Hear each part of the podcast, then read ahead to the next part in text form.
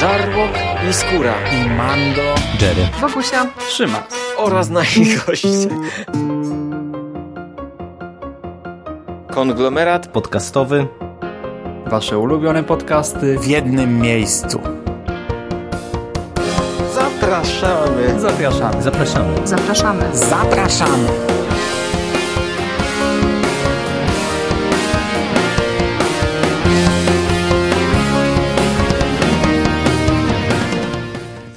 Witam w konglomeracie podcastowym, czyli na platformie, która zbiera wszystkie Wasze ulubione podcasty w jednym miejscu. Ja nazywam się Hubert Spandowski, a dzisiaj opowiem Wam o kolejnym komiksie e, z serii Legendy Star Wars pod tytułem Z ruin Alderana. E, Z ruin Alderana to jest drugi tom serii pod tytułem Star Wars, po prostu Star Wars. E, takich serii było kilka. Aktualnie cały czas jest wydawana przez Marvela seria o takim samym tytule, którą omawiamy e, tom po tomie razem z Jerrym. E, jest u nas w Polsce wydawana w ramach magazynu Star Wars Comics. Natomiast ta seria Star Wars, która ukazywała się już teraz w ramach Legend, tej drugiej serii Egmontu, została wydana w latach 2012-2014 e, oryginalnie przez jeszcze wydawnictwo Dark Horse. E, Gdy startował konglomerat ponad półtora roku temu, to ja na samym starcie w jednym z pierwszych odcinków omówiłem komiks W cieniu Jawina. W cieniu Jawina to był właśnie pierwszy tom tego cyklu i w tym podcaście przybliżyłem o co chodziło dokładnie z tą serią, oceniłem ten komiks, omówiłem go, nie byłem zbyt przychylny, raczej była to recenzja negatywna. E, Jeśli chcecie posłuchać e, dokładniej, szerzej, odsyłam do tego podcastu, natomiast tak w skrócie, e, Dark Horse pod koniec, to czy wtedy jeszcze nie wiedzieli, że kończą wydawanie Gwiezdnych Wojen, ale no były to ostatnie dwa lata, miało wizję, by e, wydać serię, która będzie się rozgrywać bezpośrednio po czwartym epizodzie, ale by wydać ją w taki sposób, jakby w ogóle świadomość o istnieniu kolejnych filmów nie istniała. Te, te, takie trochę krakołomne e, założenia mieli, co jest istotne przy omawianiu tego komiksu. Czyli chcieli zrobić coś w stylu e, starych, klasycznych Marveli. No tylko powiedzmy nieco bardziej uwspółcześnione. Ja na to może aż tak nie zwróciłem uwagi przy pierwszym tomie, ale teraz, gdy jestem po lekturze części tych starych, klasycznych Marveli, zwracałem na to bardzo mocną uwagę, bo faktycznie e, widać tutaj, e, czuć tutaj e, trochę zalążek tego klimatu w tych komiksach. Szczególnie to widać po narratorze, który tych ramek ma znacznie więcej niż normalnie w aktualnych komiksach się stosuje i jest to takie snucie opowieści, tłumaczenie nam tego, co widzimy, plus w taki, w taki sposób, wiecie... Mm, widzimy Soku Millennium, a on tam na przykład w ogóle z, z pamięci, to, to, to nie są cytaty, po prostu coś w tym stylu mamy. Soku Millennium leci ku przygodzie, ale zanim do niej dotrze, to jeszcze coś tam się wydarzy i takie nam opisuje tego typu rzeczy. Widzimy Czubakę i, i narrator nam mówi, Czubaka to Łuki a na następnym kadrze, a Bosk nienawidzi łukich i te, opisuje bardzo dużo w, w takim trochę właśnie klasycznym stylu. Jeśli to się kupi, jeśli to się zaakceptuje, to okej, okay, to nie przeszkadza, ale y, to może być też minus dla komiksu. W dwóch zdaniach. W pierwszym tomie została powołana taka tajna rada, y, która miała na celu e, dwa zadania. Wyszukać nową bazę dla rebelii po spaleniu tej na Jawinie oraz e, znaleźć przeciek w rebelii, ponieważ Mon Mothma podejrzewała, że gdzieś w rebelii jest kret, który donosi imperialnym i ta tajna rada, Rada Cienia miała e, działać gdzieś tam na uboczu. To była eskadra kilku pilotów, Leia, Luke, Wedge plus kilka e, osobnych postaci nieznanych. Oni mieli właśnie e, wykonać te dwa zadania. Oprócz tego naprzemiennie śledziliśmy e, perypetie Hana i Czubaki, którzy udali się na Korusant, aby tam za zakupę kasy kupić jakieś tam uzbrojenie dla rebelii, ale oczywiście wpadli w tarapaty. Tutaj jedna wielka gonitwa, strzelanki, rozpierducha, pełno akcji, ale tak naprawdę ja pamiętam, że, że bardzo mnie to męczyło i bardzo się wynudziłem na tamtym komiksie. Zakończyło się to e, wielkim boom. Leja została bardzo mocno ranna. Teraz mamy przeskok czasowy, e, niewielki, ale o, o te kilka tygodni na pewno Leja już nie jest ranna. I znów obserwujemy tak naprawdę trzy wątki.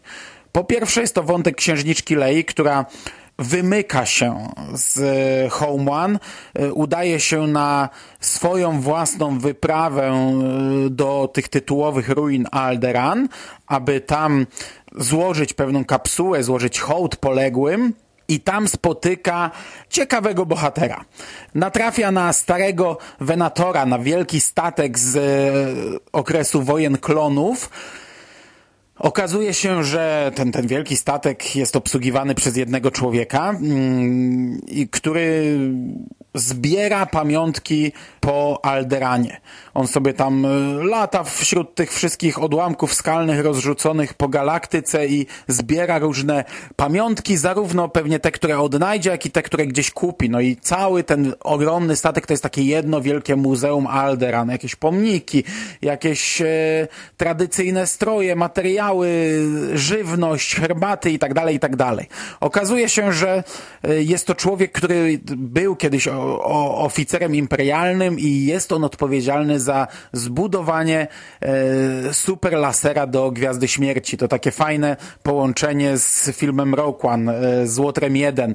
E, po, tutaj widzimy w, w jaki sposób to było w starym kanonie wymyślone, przy czym no, na chwilę obecną nie wiemy nic o tym człowieku, wiemy tylko i wyłącznie to, że on jest za to odpowiedzialny, a teraz e, sobie narzucił taką pokutę, taką karę. Oprócz tego obserwujemy wątek dalej Hana i Chewiego. I to jest zrobione na tej samej zasadzie. Han i Chewie biegają, latają, strzelają, rozbijają się, wysadzają. Z nimi jest Perla, która uratowała ich w poprzednim tomie czyli kobieta, która tam zajmuje się wywożeniem śmieci e, z Korusant, a teraz oferuje im pewną e, pomoc i, i, i, chęć przystąpienia do rebelii, no i oczywiście oni tam walczą i się ścigają cały czas z Bobą Fettem i z Boskiem, no bo jak żeby inaczej? I, i, i przez cały tom tak naprawdę e, to jest to, to jest to samo, to jest to, cały czas strzelanki, wybuchy, pościgi. No a głównym wątkiem e, tego komiksu jest to, co widzimy na okładce, czyli e, Luke Skywalker i Wedge Antilles, którzy wpadają na taki pomysł, że zamiast szukać kreta w swoich szeregach, lepiej udać się na, na wielki statek imperialny, na dewastatora i tam mm, gdzieś tam zainstalować pluskwę i w taki sposób odkryć, kto z rebeliantów e, donosi imperium. No i wykonują ten swój plan, dają się pojmać e, i lądują na statku, no i tam robią coś. E, natomiast czwartym jeszcze takim mniejszym wątkiem jest e, historia nowej pomocnicy Wejdera, która już na starcie jest kretyńska, bo to jest jakaś tam, jakiś tam podwykonawca, który również e, pomagał przy budowie Gwiazdy Śmierci, jakaś kobieta, która, którą e, Wejder postanowił e, mianować mofem. Tak sobie od czapy postanowił, wymyślił, że od dziś ty będziesz mofem. No i komiks zaczyna się od jej rozmowy z imperatorem, który ją tam w ogóle miażdży i miesza z błotem. I tu przyznać człowiekowi rację należy. I wtedy ona próbuje popełnić popełnić samobójstwo, mierzy sobie w pierś z blastera, no bo ojejku, nie jestem już mofem, bo imperator powiedział, że nie. E, I nagle słyszy w głowie głos Vadera, który jest gdzieś na drugim końcu galaktyki, ponieważ podobnie jak w nowym kanonie, po zniszczeniu Gwiazdy Śmierci Vader popadł w niełaskę i został trochę odsunięty na, na dalszy plan i Vader mu jej tam mówi, moc jest w tobie silna, od teraz będziesz mi pomagać. No i ona mu pomaga na różne sposoby, jest jakimś tam jego agentem, co tak naprawdę w ogóle się nie klei, nie ma sensu, nie ma rąk i nóg. Ona ląduje tu pojawia się w miejscach, w których akurat y, y, pojawiają się inni nasi bohaterowie.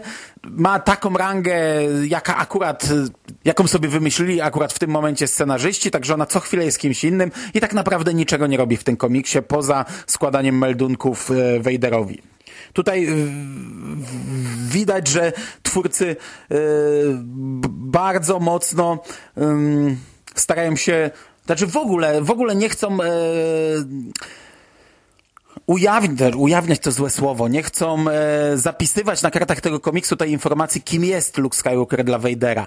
I, e, to jest oczywiste, że w rozmowie między nimi, między nim a na przykład tą jego agentką nie padnie ta informacja, no bo to jest jego tajemnica, ale nawet gdzieś tam on sam przed sobą nie, nie, nie myśli o tym, nie, nie, nie, nie przyznaje, nie, nie, nie podaje tej informacji. To jest właśnie to, co mówiłem, pisane na takiej zasadzie, jakby Imperium kontratakuje jeszcze nie było. Tak jakby czytelnicy czytali ten komiks bez tamtej wiedzy, co zresztą też widać po mm, decyzjach niektórych bohaterów, bo tak naprawdę powoli tutaj wygląda na to, jakby na, wy, wy, wy, wywiązywał się jakiś romans pomiędzy Hanem a e, tą Perlą, nową bohaterką, chociaż pod koniec mamy też e, konfrontację między Hanem a Leją. Podobnie mamy przecież wątek związku między Lukiem a jedną z pilotek, który ostatecznie zostaje zakończony e, w kretyński sposób. No, decyzja tej bohaterki o odejściu z eskadry Łotrów, o, bo tutaj też rodzi się eskadra Łotrów. E, Obserwujemy to, w jaki sposób Wedge podjął decyzję o utworzeniu nowej eskadry. No i decyzja o nieprzystąpieniu jej do eskadry Łotrów, o opuszczeniu szeregów rebelii jest e, absurdalnie kretyńska. No i jeśli już mówimy o rzeczach kretyńskich, no to niestety, tak jak ten komiks ogólnie czytało mi się nieźle, szybko. On był głupiutki, on był pełen ym, takich, no tanich motywów, słabych motywów, źle poprowadzonych wątków, źle rozpisanych postaci. Kurczę, wszystko złe tak naprawdę. Do tego jeszcze, e, no, pomimo tego, że tempo jest naprawdę zabójcze, to jest to, tak wiecie, pocięte dosłownie na takie malutkie elementy i poukładane naprzemiennie i, i widzimy fragmencik Hana, fragment Luka, fragment Lei, fragment Hana, fragment Luka, fragment Lei i przy pierwszym tomie mi to przeszkadzało, mnie to nudziło, męczyło. Przy drugim jakoś nie, może inne nastawienie, inne podejście.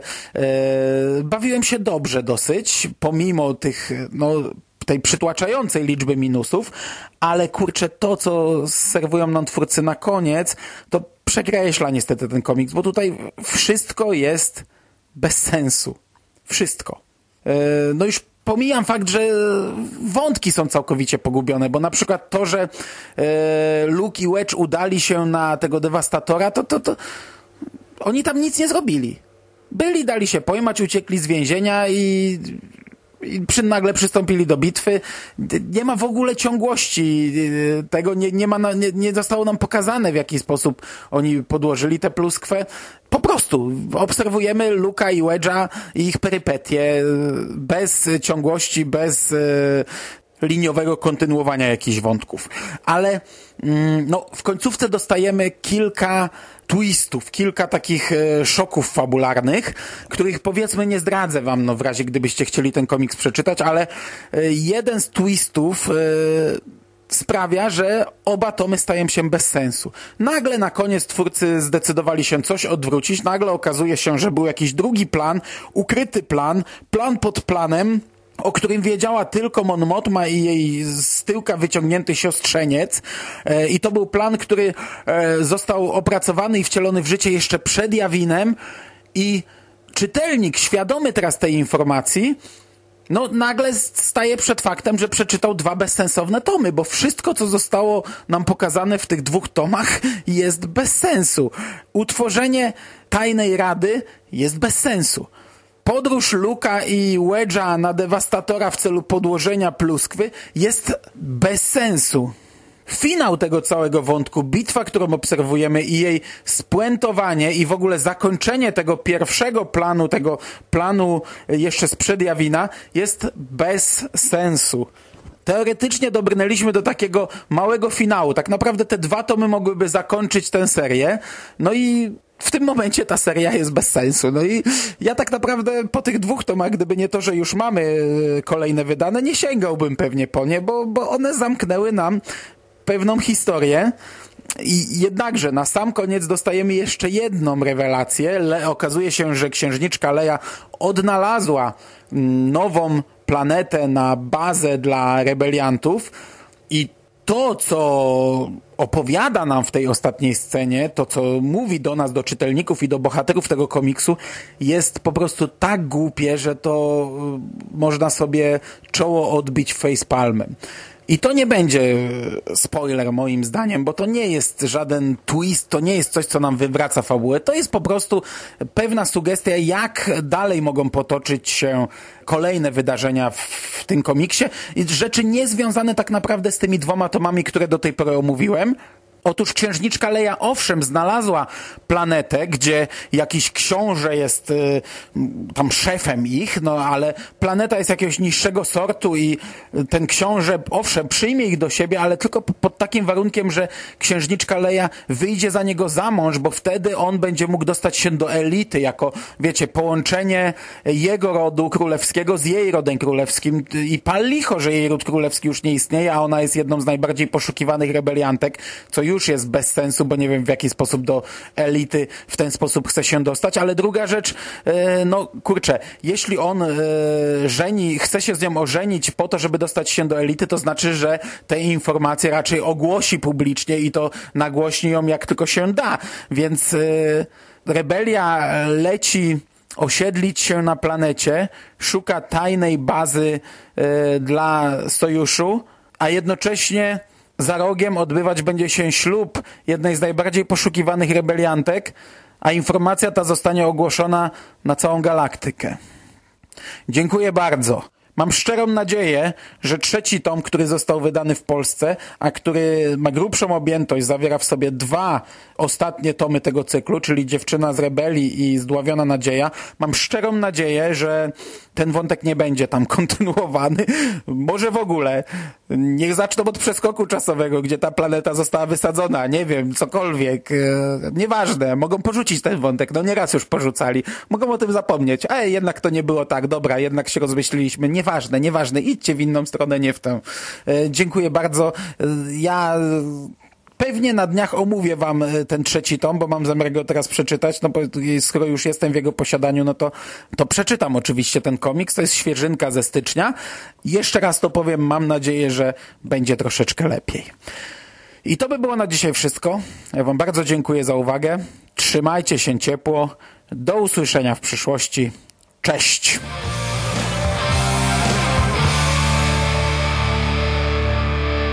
You finished? We gonna do now? What are we gonna do? It's over. Nothing is over! Nothing! You just don't turn it off!